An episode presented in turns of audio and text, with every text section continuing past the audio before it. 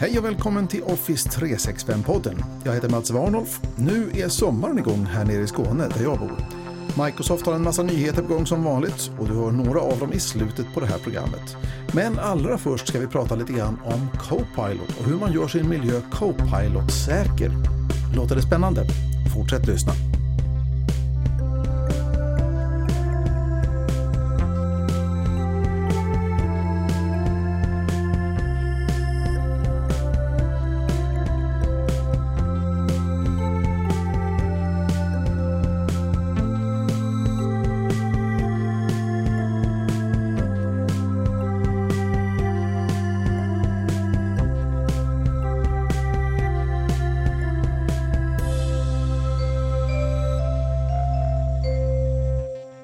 I september kan vi börja använda de första av Microsofts Copilot-grejer för Microsoft 365.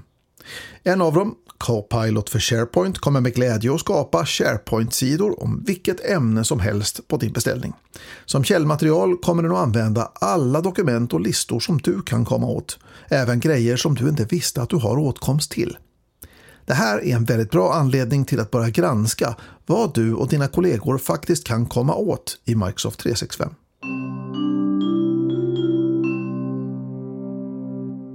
Om du inte följt med i nyheterna på ett tag så kan jag berätta att Microsoft börjat prata om generativ AI i Microsoft 365. Generativ AI, det är den sortens AI som kan skapa saker och ting, eller generera som det heter på AI-språk.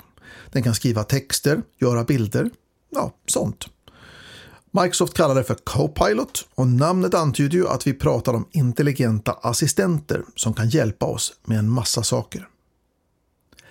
Du har till exempel Copilot Business Chat som du kan prata med i Teams för att få koll på kommande möten och den typen av saker.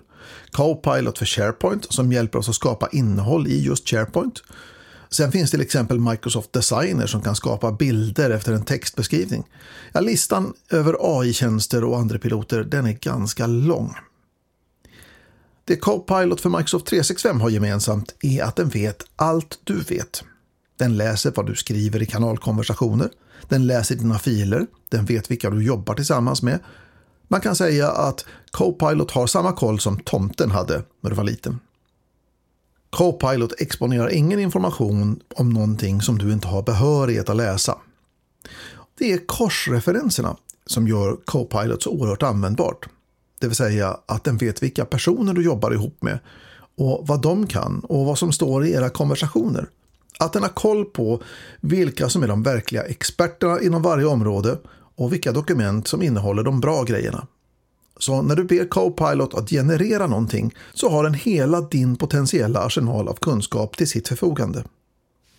Men om Copilot vet allt du vet och allt du inte vet att du vet så kan det leda till intressanta situationer. Den kan ju använda allt som du har åtkomst till som källdata för det du ber den skapa här måste du ta ansvar. Copilot kan skapa, eller som experterna säger, generera saker, presentationer, webbsidor, mötesinbjudningar, men det är du som publicerar. Så innan du skickar ut någonting som Copilot har skapat till någon så behöver du granska så att ingenting som ska vara hemligt eller privat röjs. Ibland kan man ju bli lite överraskad själv. I det Copilot skapar finns kanske saker och ting som du inte visste om. Saker och ting som du har behörighet till men inte läst. Kanske saker som det inte ens var tänkt att du skulle läsa. Vad kan ha hänt här då? Jo, dokumentet finns kanske i en mapp, i en kanal, i ett team du inte är aktiv i men ändå är medlem i. Kort sagt så ligger det bakom en dörr som du aldrig öppnar men som du har nyckel till. Copilot är inte rädd för sånt. Den öppnar alla dörrar som du har nyckel till och tittar på vad som finns där. Och Det gör att den kan använda allt du har åtkomst till. Och det är ju bra, vi vill ju det. Men det gör säkerheten lite spännande. Så vad har du åtkomst till? Och vad har din kollega åtkomst till? Vad kommer receptionisten åt? Vad kommer din chef åt? Det fanns en gammal säkerhetsmodell som på engelska brukade kallas för Security by Obscurity. På svenska skulle man kunna säga säkerhet genom okunnighet. Men det finns egentligen inget bra svenskt idiom som jag kan komma på som innebär samma saker. Men det betyder att du inte kommer åt information för att du inte vet hur man ska göra för att komma åt den. Eller du kanske inte ens vet om att den finns. Som du säkert förstår så är den säkerhetsmodellen ganska dålig och i denna sköna nya värld av artificiell intelligens är den helt oanvändbar. Du och din organisation måste ta kontrollen över behörigheterna så att de blir vad de behöver vara. Du behöver granska åtkomsten till sajter och teams och du behöver granska vilka platser känslig information finns tillgänglig på. Det här är så som vi ska göra för att göra våra sajter och våra teams och alltihopa Copilot-säkert. Principer för hur information hanteras och var är nödvändiga, så det blir första steget, en informationshanteringsplan. Nästa steg är att granska var den här informationen finns idag. Det finns teknisk hjälp att få. I Compliance Center på compliancemicrosoft.com så finns möjlighet att definiera vilken information du och din organisation betraktar som känslig och hur systemet ska känna igen den.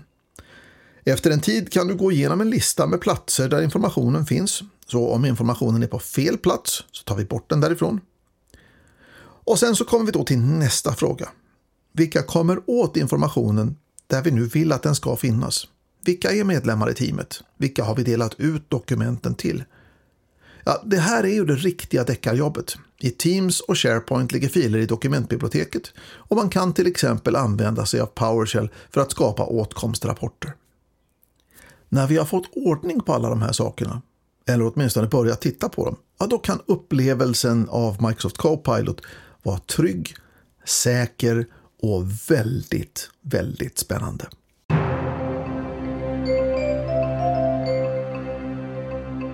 Dags för nyheter i Office 365-podden. Microsoft ligger inte på latsidan direkt. Nu kommer inte bara nya produkter och tjänster, de existerande får också kärlek nu under sommaren. Nu i juni får Microsoft Whiteboard några fina förbättringar. Bland annat en bättre färgpalett att välja från, men också tillsnygning av handskrift. Så om du använder penna för att skriva text i Whiteboard så ska du förhoppningsvis slippa skämmas som jag brukar göra över min handstil. Det blir också andra ansiktslyftningar som ska göra Whiteboard både lättare att använda och förstå. Nu kan du knappa in arbetsplats och arbetstid i din Teams-profil. Ibland sitter du kanske hemma, ibland på kontoret och ibland någon annanstans. Och när jag klickar på din profilbild så talar Microsoft om för mig var du är och när jag kan nå dig. Och det här borde vara tillgängligt nu när du hör det här. Microsoft Lists blir både snabbare och bättre, säger Microsoft. Bland de nya funktionerna hittar du bland annat möjligheter att dra och släppa bilder direkt in i en lista. Men det blir också tydligare vilka som arbetar i listan samtidigt som du och varifrån. Vyer i listan blir tillgängliga via flikar så det blir enkelt att hoppa mellan olika vyer av samma information. Och det blir också väsentligt enklare att skapa inmatningsformulär som fungerar på alla typer av enheter. Och det var nyheterna. Och det var allt för Office 365-podden för den här gången. Själv gör jag mig klar för att ta tåget till Düsseldorf och European Collaboration Summit, en konferens jag aldrig har besökt tidigare. Jag hoppas komma hem med massor med tankar och nyheter som jag kan berätta om i kommande avsnitt. Har du frågor, tankar eller bara vill säga hej når du mig på mejladressen office365podden at varnolf.net. Till nästa gång, ha en fin vecka. Tack för att du har lyssnat.